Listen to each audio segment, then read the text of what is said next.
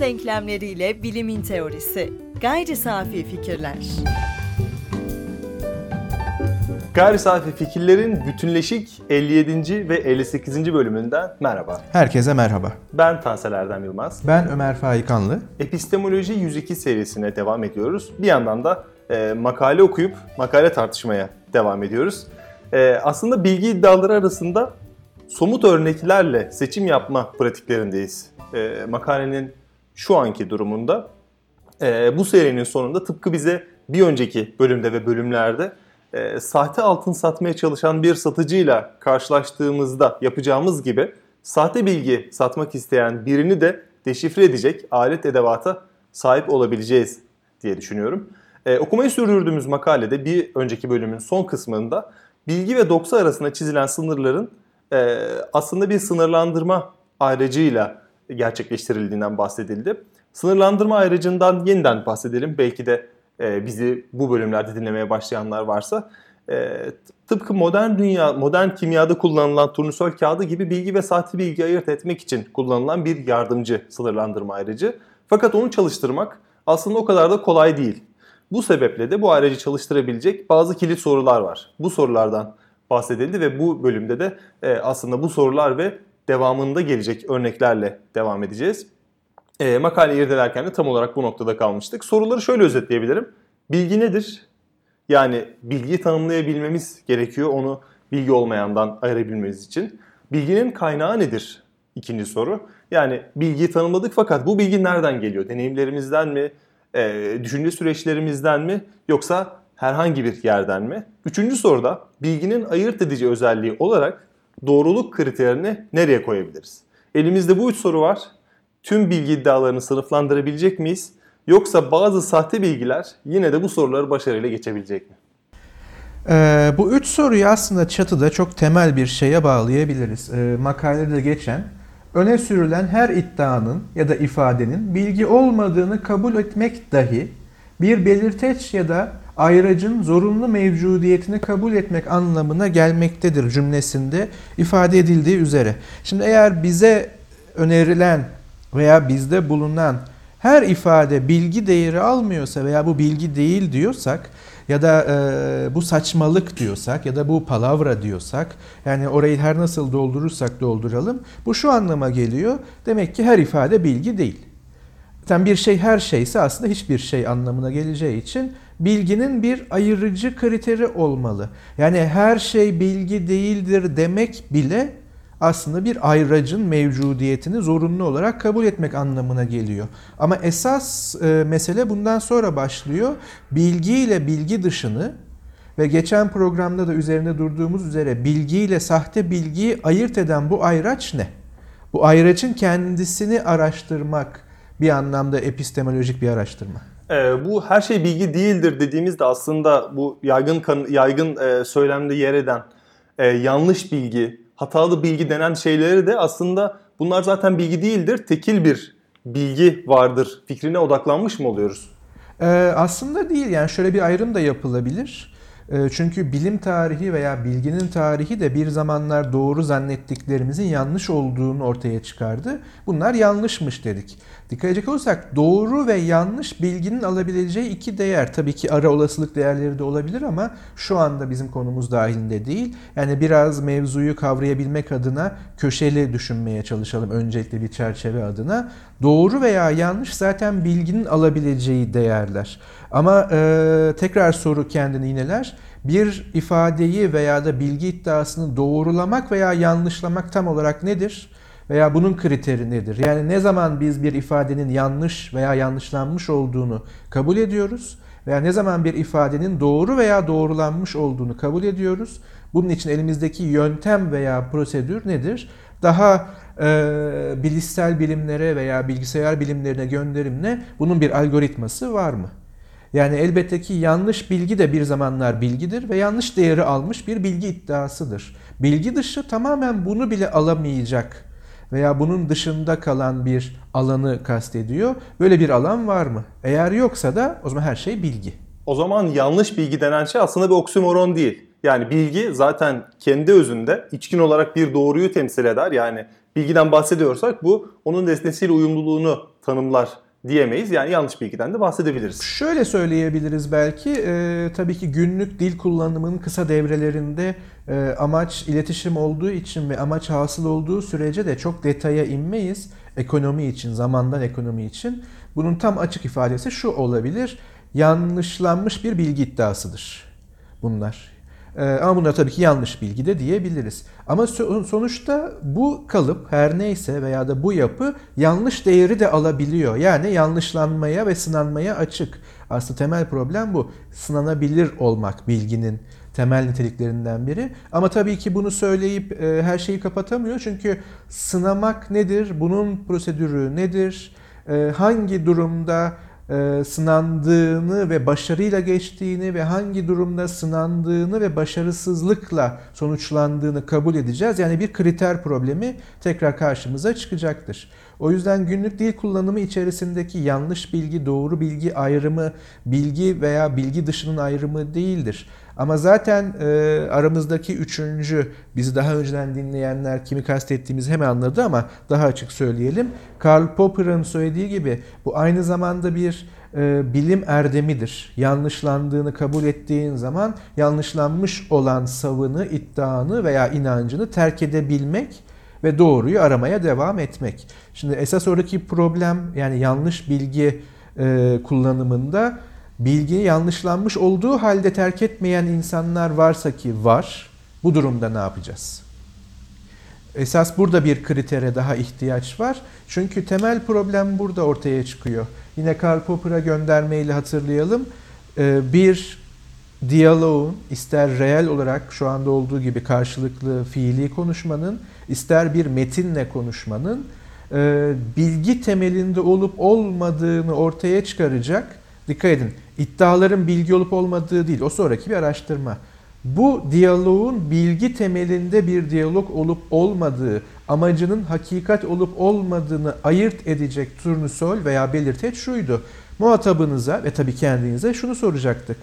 Her hangi kanıtı getirirsem, her ne olursa yanıldığını kabul edip savının, iddianın, bilgi iddianın yanlış olduğunu kabul edeceksin. Daha tartışmaya başlamadık. Ama ön koşul olarak bunu koyamıyorsan hele ki her ne olursa olsun doğrudur benim iddiam diyorsa bir metin veya da bir kişi veya o metne dayalı konuşan kişi o diyalog bilgi temelinde değildir. Burada ikna veya da başka araçlar söz konusudur veya son e, noktasında bir karşılaştırılamaz inançlar karşılaşması da olabilir. E, tabii tuhaf bir cümle oldu. Karşılaştırılamaz inançların karşılaşması. Karşılaşabilirler ama karşılaştırılamazlar. Böyle söyleyelim. Çünkü son noktada ya inanıyorsunuzdur ya inanmıyorsunuzdur. Size hiçbir kanıt kendi inancınızdan vazgeçiremeyeceğine göre söz konusu olan bilgi değildir. Oysa bilginin e, biraz metaforik bir kullanımla büyüsü budur. Hani hep modern e, bilimin veya bilimsel dünyanın dünyanın e, büyüsünü bozduğu veya dünyadan büyüsünü aldığı, gizemleri ortadan kaldırdığı söylenir. Ama bence bu çok olumlu bir şeydir. Çünkü esas yaptığı şey şudur. Değişebilir. Kendini gerçekliğe göre revize edebilir gerçeklikle uyuşmadığı noktalarda sorunu gerçeklikte değil veya onu kavrayanlarda değil, kendinde arayacak kadar da erdemli bir duruştur bilimsel veya bilgi temelli varoluş biçimi. Ve e, tekrar edelim biraz tabi sonlarda söyleyeceğimizi başa söylemiş gibi olacağız. Herhangi bir problemimizde bizi o problemden çıkarabilecek ve kurtarabilecek elimizdeki en iyi aday daima bilgidir. Yani bizi bilgi kurtaracak. Bu da böyle bir slogan gibi olsun. Ee, o yüzden sahte veya sözde bilim bu otoriteye, bu kurtarıcılığa soyunma girişiminde ve bilime benzemeye çalışıyor. Yani mış gibi yapıyor. Şimdi genel olarak sahtekarlığın veya bizi kandırmaya çalışanların ve tabii iğne çuvaldız ikilisinde hangisini tercih edersek kendimize de batıralım onu. Birini kandırmaya çalıştığımız gibi mış gibi yaparız. İşte o mış gibi yapmak tehlikeli. Yoksa tamamen bilgi dışı bir alan, mesela sanat, ilk akla gelen diğer alanlar değil veya diğer e, duruşlar, konumlanışlar değil. Sanat bilgi temelli olmak zorunda değildir.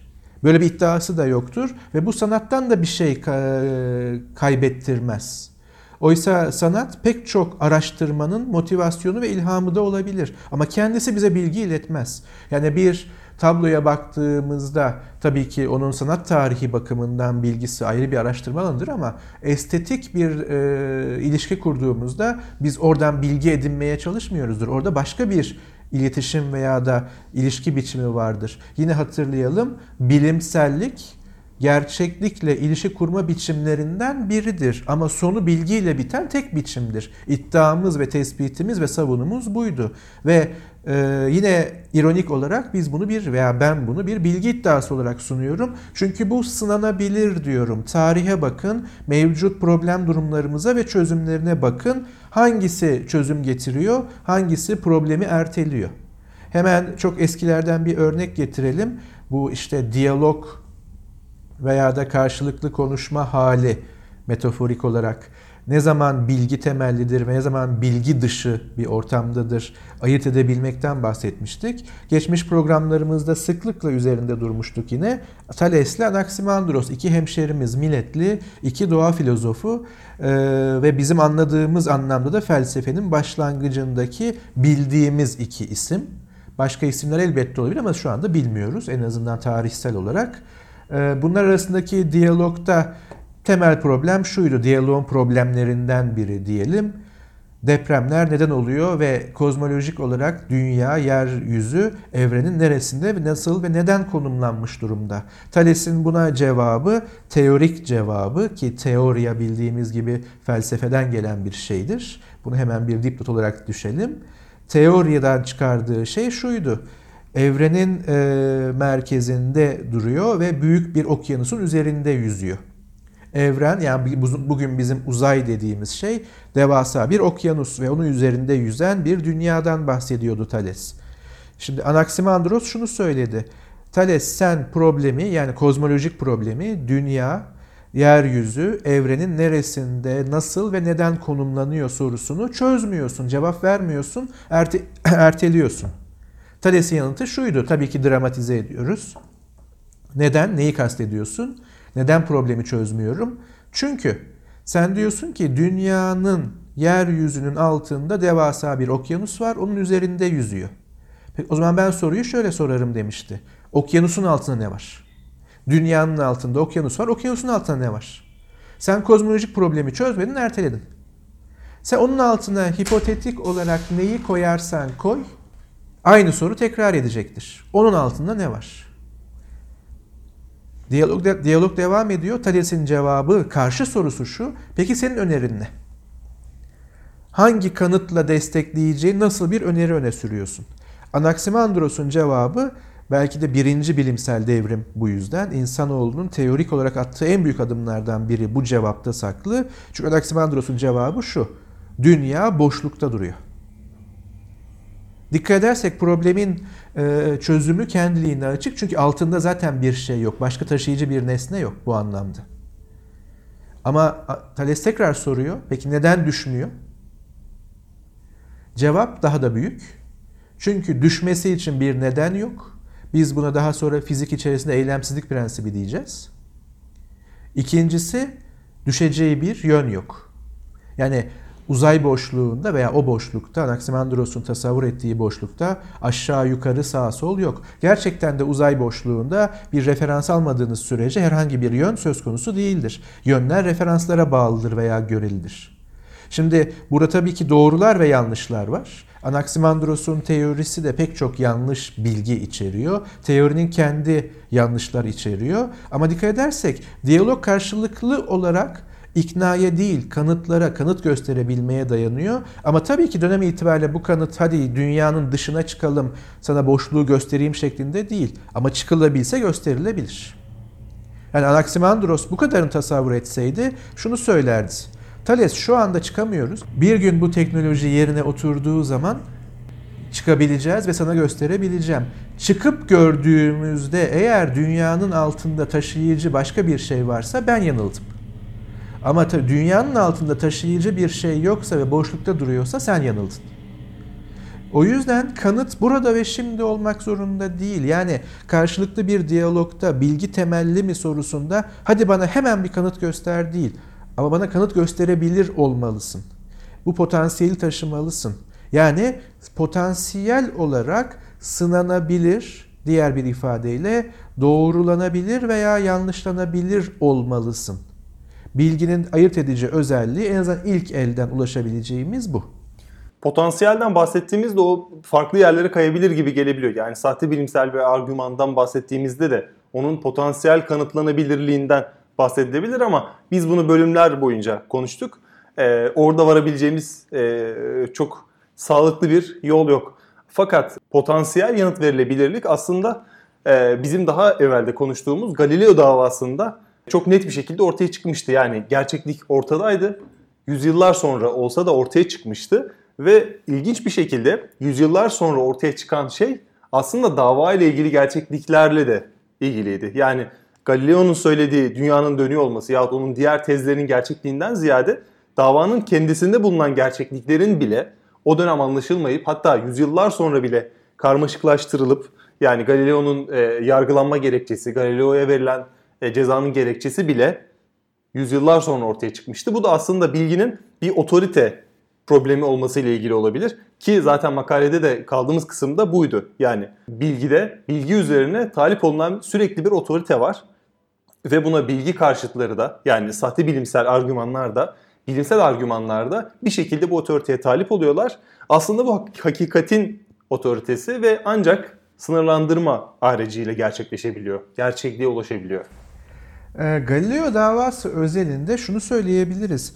Ee, o anda ilk olarak yani dava görülürken veya öncesinde bilirkişi raporu hazırlanırken e, Engizisyon tarafından yani Engizisyon'un resmi fizikçileri diyelim, doğa filozofları tabii ki o zamanın e, terimleri içerisinde hatırlayacağım üzere ve biraz önce de üzerinde durulduğu gibi söz konusu düşünce felsefi açıdan aptalca ve mantıksızdır temelini koyuyorlardı. Bu ne anlama geliyordu? Yani dönemin terminolojisi içerisinde dönemin doğa felsefesine uygun değil. Ona göre saçma veya konu dışı veya da bilgi dışı iddiasında bulunuyorlardı. Peki dönemin doğa felsefesi neydi? Baskın teoriyası teorisi Aristoteles Batlamyus sistemiydi. Ve ikincil olarak e, Engizisyon şunu söylemişti. Ayrıca bu düşüncenin ifadesindeki kelimelerin sözlük anlamlarına ve aziz pederlerle teoloji öğretmenlerinin olağan tefsir ve anlayışlarına göre birçok noktada İncil'in mantığına tamamen ters düştüğü için usulen sapkındır. Yani içerik yanlıştır, bilim dışıdır, saçmadır. Yani bilim tabii o sözcük olarak kullanılmıyordu. Felsefe dışıdır, saçmadır.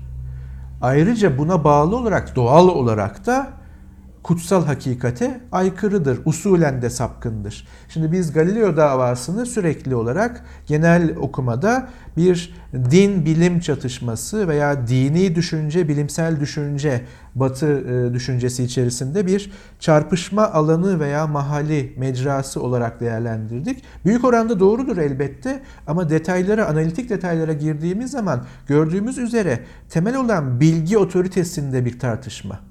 Kilise veya Engizisyon Aristoteles Batlamyus sistemini de sahiplenerek bilgi konusunda, evrene ilişkin bilgi konusundaki otoritesinin sarsılmasını istemiyor. Çünkü dikkat edelim, mevcut durumda Vatikan olduğu yerde duruyor. Evet artık Engizisyonlar toplamıyorlar elbette ki, ne güzel ki. Ee, ama dünya küresel aşağı yukarı dünya güneşin etrafında dönüyor. Dünya evrenin merkezinde değil. Ama kilise yoluna devam ediyor. Peki o zaman bunu kabul etse neden ne değişecekti? Çünkü tarih bize gösterdi ki e, tabii ki pek çok şey değişti ama varlığına çok büyük bir tehdit aslında değil. Ayrıca çok çok sonraları bizzat Engiziz, yani Engizisyon'un hamisi olan, kurumsal bağı olan kilise veya Vatikan e, Galileo'nun kitaplarını yasaklı kitaplar listesinden de çıkardı. Yani yanıldık dedi bir gerekçeyle. E bu yapılabiliyorsa neden 1616'da yapılamadı? Ve Galileo neredeyse e, yakılmakla yani Bruno'nun kaderini paylaşmakla tehdit altında yargılandı. Bunun sebebi şuydu. Bilginin otoritesi tam olarak. Çünkü o dönemde o durumda ki sonra değişen de buydu. İnsanların aklına şu sorunun düşmesi istenmiyordu. Vatikan veya kilise kozmolojik problem hakkında yanıldıysa yani Kopernik ve Galileo haklıysa ve onların ardılları yani doğa filozofları haklıysa başka hangi konularda yanılıyor olabilir? Bir kere bu şüphe başladığı anda ki bu rasyonel bir şüphedir. Kilise çok fazla devam edemeyecekti o dünyada. Ve bunu kaybetmek istemiyordu. Ve tabii ki bu şöyle bir komplo değil. Hemen de altını çizelim. Çünkü komplo hipotezlerine artık böyle demek lazım. Komplo teorileri değil, komplo hipotezleri demek lazım. Çünkü teori güçlü bir şeydir ve defalarca sınanmış bir şeydir. Komplo hipotezlerine yatkın zihinler hemen şunu düşünebilir. Aslında kilise evrenin merkezi olmadığını çoktan farkına varmıştı veya da bunu biliyorlardı ama buna rağmen değil. Elbette ki e, bu aynı zamanda kuramlar, teoriler arası bir e, çarpışma alanıdır ve şunu açıkça söylemek gerekir. 1543 yılı Kopernik'in Göksel Kürelerin Dönüşleri Üzerine adlı eserinin yayımlandığı yıldır. Yani modern bilimsel devrimin başlangıcı, sembolik başlangıcının alındığı yıldır. Yani güneş merkezi sistemin topluma açıldığı, bilim insanlarının tartışması açıldığı yıldır diyelim. 1544 yılında herhangi bir astronom veya doğa filozofu bütün başka düşünme biçimlerinden kendini sıyırarak sadece hangi teori doğrudur sorusuna veya doğruya daha yakındır sorusuna kendini verse bile veya bunun üzerine çalışsa bile tam bir karar veremezdi. Çünkü Batlamyus yani Ptolemaios sistemi de aşağı yukarı aynı sınamalardan geçiyordu. Aynı başarı oranıyla Kopernik sistemiydi. Ayrıca Kopernik sisteminin henüz bir fizik e, temeli yoktu. Çünkü henüz Galileo veya Newton yoktu ortada. Yani 1544'te bu çalışmalar bakımından. O yüzden kilise de böyle bir komplo içerisinde aslında gerçeğin farkında ama gücünü kaybetmek istemiyor değil. Ama bilgi otoritesini kaybetmeme güdüsü çok daha derinlere e, kök salan bir şeydi. Temel problem de buydu. Eğer bir konuda yanılıyorsa mutlak hakikat iddiasındaki bir kurum veya mutlak hakikatin sözcüsü olma iddiasındaki bir kurum başka hangi konular yanılıyor olabilir? Ve tabii burada şu da e, muhtemelen vardır. Psikolojik ve yine e, politik bir unsur olarak insan dediğimiz şey o en şerefli mahlukat olarak evrenin merkezindeki yerini kaybedecekti alelade bir gezegen üzerinde devasa, uçsuz bucaksız bir evrendeki sıradan bir gezegen üzerindeki bir varlık haline gelecekti ki bu kayıp da başka bir alanda psikolojik olarak veya sosyolojik olarak incelenebilir. Bu kayba karşı bir direnç. Ama en başta söylediğimiz şey sanki daha geçerli. Yani epistemolojik direnç daha geçerli gibi. Çünkü kilise şuna cevap veremiyordu. Her ne olursa yanıldığını kabul edeceksin. Böyle bir soru sorulmuş muydu kiliseye? Tabii ki bu metaforik bir soru ama yani sorulduğunu varsayalım ve sadece doğası gereği bunu konumlandıralım. Kilise gibi bir kurum yani Tanrı e, yetkisiyle konuşan bir kurum yanıldığını kabul edebilir mi veya yanılabilir mi? Herhangi bir kanıt onun yanıldığını göstermeyecektir. Kanıtın yanlışlığını gösterecektir. O yüzden aslında e, Engizisyon yargılaması tabii ki komplike bir yargılama biçimi veya da bir vaka olsa bile içinde epistemolojik, psikolojik, politik e, pek çok unsur taşısa bile temelde bilgi temelli bir dava ama muhataplardan biri bilgi temelinde dövüşmüyor veya savaşmıyor. E, mış gibi yapıyor büyük bir ihtimalle ama bu dediğim gibi mış gibi yapmak sahte bilim veya sözde bilim veya komplo hipotezi anlamında değil. Ama o hiçbir zaman yanılmayacağı kabulüyle masaya oturdu. Bir de yargılayan taraf. Oysa Galileo çok rahat bir şekilde şunu söyleyebilirdi. Yanılıyor olabilir mi? Daha sonra zaten senin söylediğin gibi gelişmeler bize gösterdi ki Galileo'nun da benimsediği Kopernik kuramı gerçeğe çok daha yakın, yani doğruya çok daha yakın. Ee, onun fiziği Newton'la beraber 1687'de tamamlandığı zaman hala Batlamyusçular ve öteciler vardı. 1688'de de birdenbire bütün e, doğa filozofları terim hala buydu. Bir anda Kopernikçi veya da Newtoncu olmadılar. Ama artık bu işten biraz anlayanlar kanıtları yeterli buluyordu. Çünkü diğerini yanlışlayan kanıtlar da birikmeye başlamıştı. Tabii bunu başka bir terimle bakarsak yani Thomas Kuhn'un terimiyle artık paradigmatik devrim çoktan gerçekleşmişti. Mesele yeni paradigmayı biraz daha oturtmak, eskinin artıklarını veya da ona bağlılarında yavaş yavaş ortadan kalkmasını beklemekti. Tabii bunu direten de gerçekliğin kendisiydi. Mesele bu, gerçeklik. E, makalede tam bu kısımla ilgili birkaç yorum var. E, istersen oradan devam edelim. Onun üzerine de benim soracağım bazı sorular var ve yorumlar var. Hadi bakalım. Bu durumun tarihsel örneklerinden biri Galileo davasıdır. İlk bakışta bilgi ile dogmatik inanç arasında gibi görünen Galileo'nun Engizisyonca yargılanması temelde epistemolojik bir boyut taşımaktadır. Galileo hakkında 1616 yılında Engizisyon Mahkemesi'nin oluşturduğu Danışmanlar Komitesi raporunda yer alan iki madde şöyledir. 1. Güneşin evrenin merkezinde bulunması ve hiçbir yerel hareketi olmamasına ilişkin danışmanların değerlendirmesi. Söz konusu düşünce felsefi açıdan aptalca ve mantıksızdır. Ayrıca bu düşüncenin ifadesindeki kelimelerin sözcük anlamlarına ve aziz pederlerle teolojik öğretmenlerin olağan tefsir ve anlayışlarına göre birçok noktada İncil'in mantığına tamamen ters düştüğü için usulen sapkındır. 2 yer kürenin evrenin merkezinde bulunmadığına ve hareketsiz olmadığına ve tümünün devamlı hareket ettiğine ilişkin danışmanların değerlendirmesi. Söz konusu düşünce felsefi açıdan bir önceki düşünceyle eşdeğer bulunmuştur. Teolojik olarak ise en azından inanç açısından yanlıştır.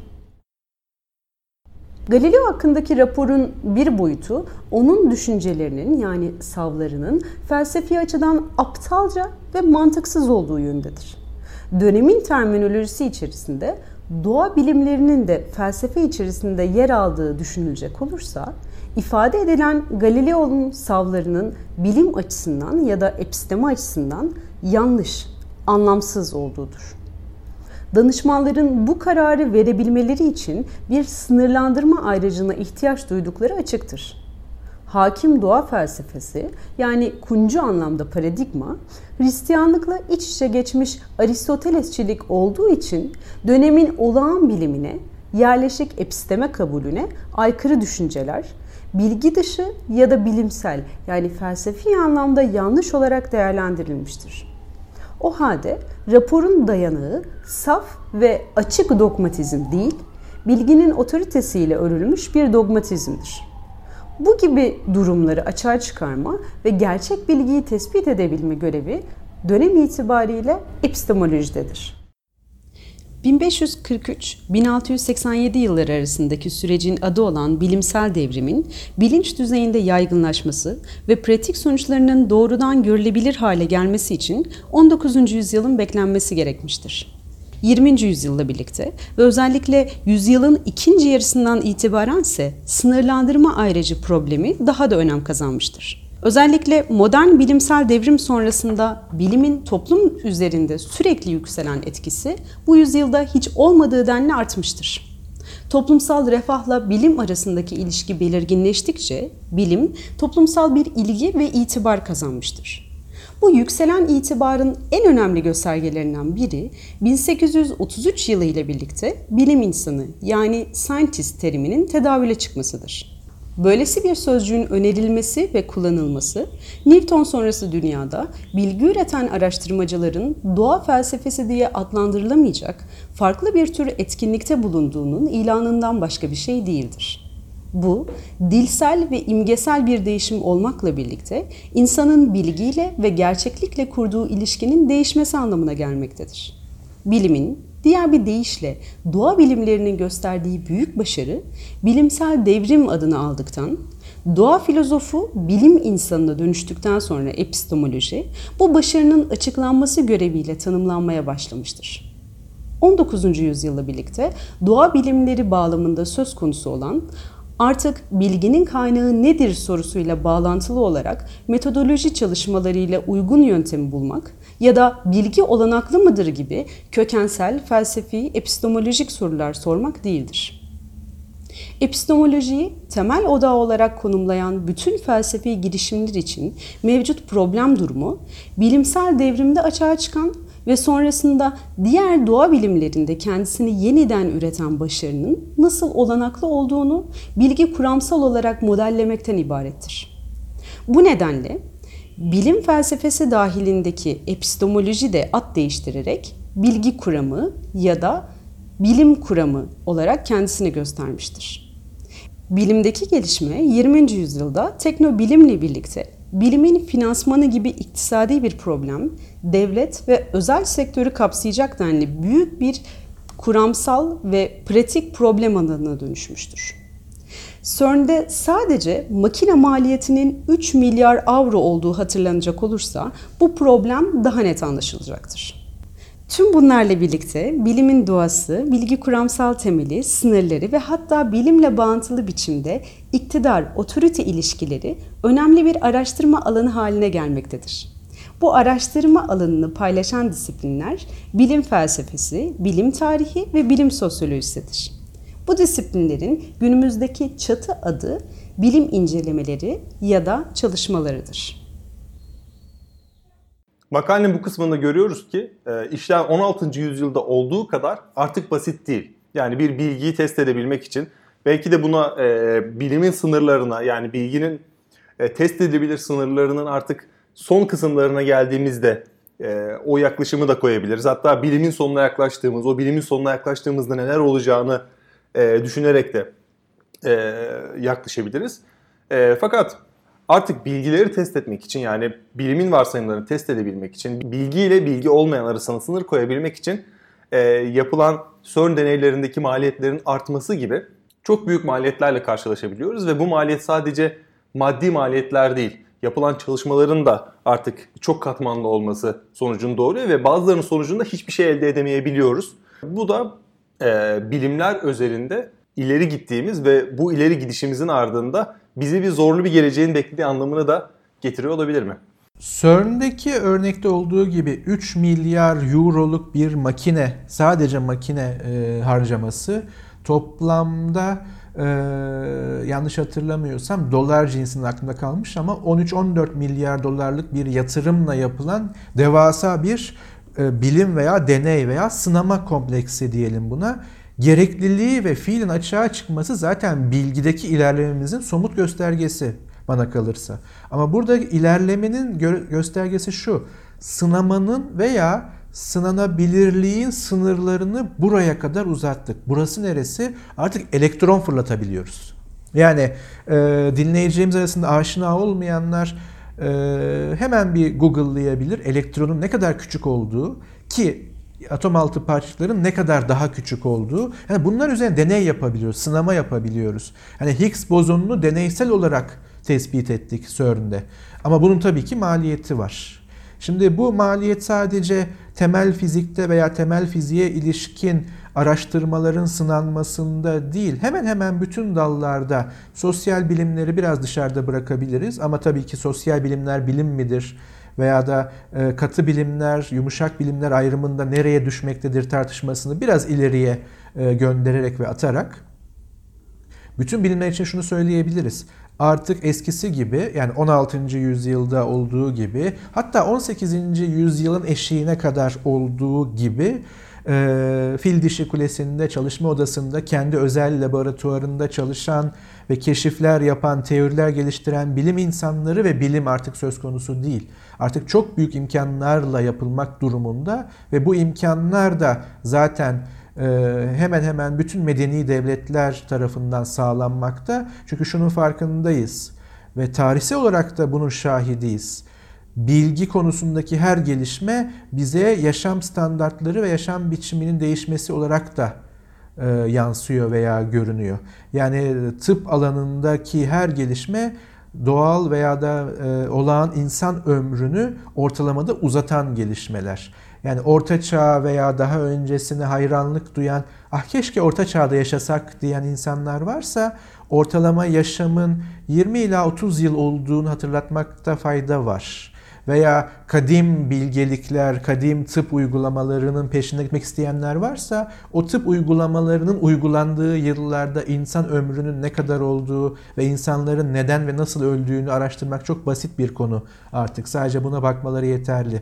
Oysa tıp uygulamaları modern bilimsel devrimini yarattıktan sonra evet yüzde yüz değil bu zaten belki de imkansızlık ama ortaya koyduğu şeyler e, muazzam ve hayal edilemez şeyler. Bunu hemen şöyle bir benzetimle e, kavrayabiliriz. Biraz önce söylediğimiz gibi Anaximandros'un aklına veya Thales'in aklına belki de sınama olarak dünya dışına çıkılabileceği gelmiyordu, gelemiyordu. Ama biz bugün e, insan yapımı bir aracı güneş sisteminin dışına gönderdik ve hala veri alıyoruz Voyager 1'i.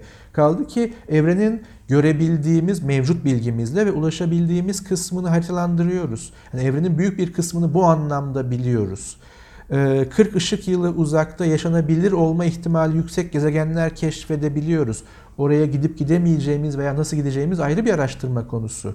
Ama fiili olarak işte 12-13 milyar dolar pahasına artık atom altı parçacıklar üzerine deney yapabiliyoruz kuantum dünyasında. Kuantum ciddi bir teoridir ve bilimseldir.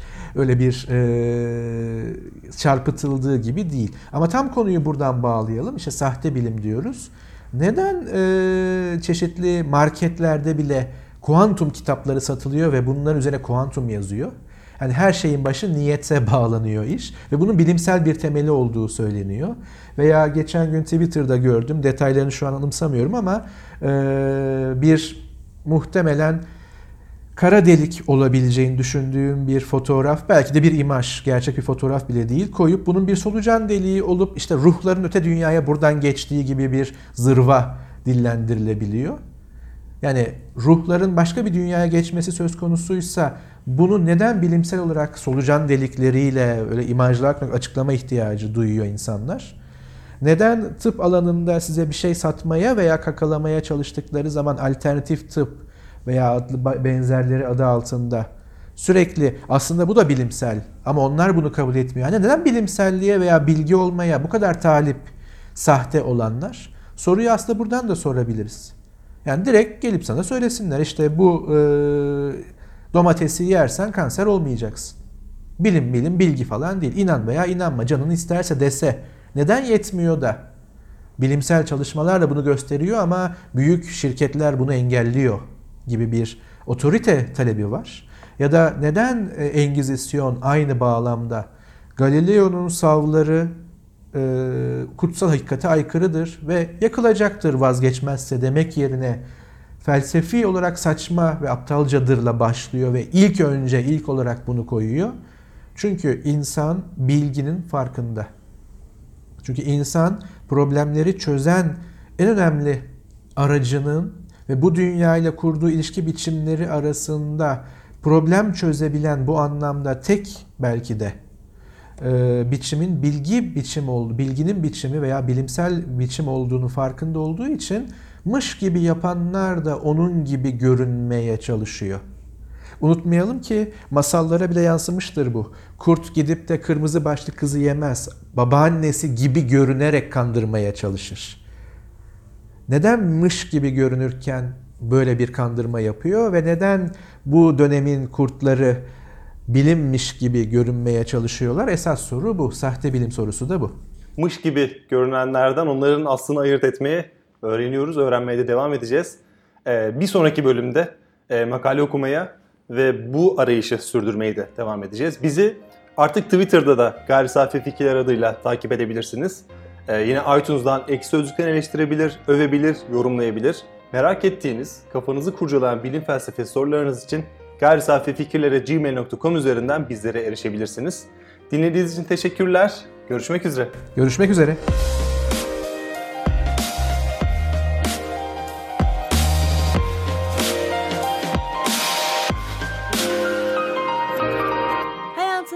Denklemleriyle bilimin teorisi. Gayri safi fikirler.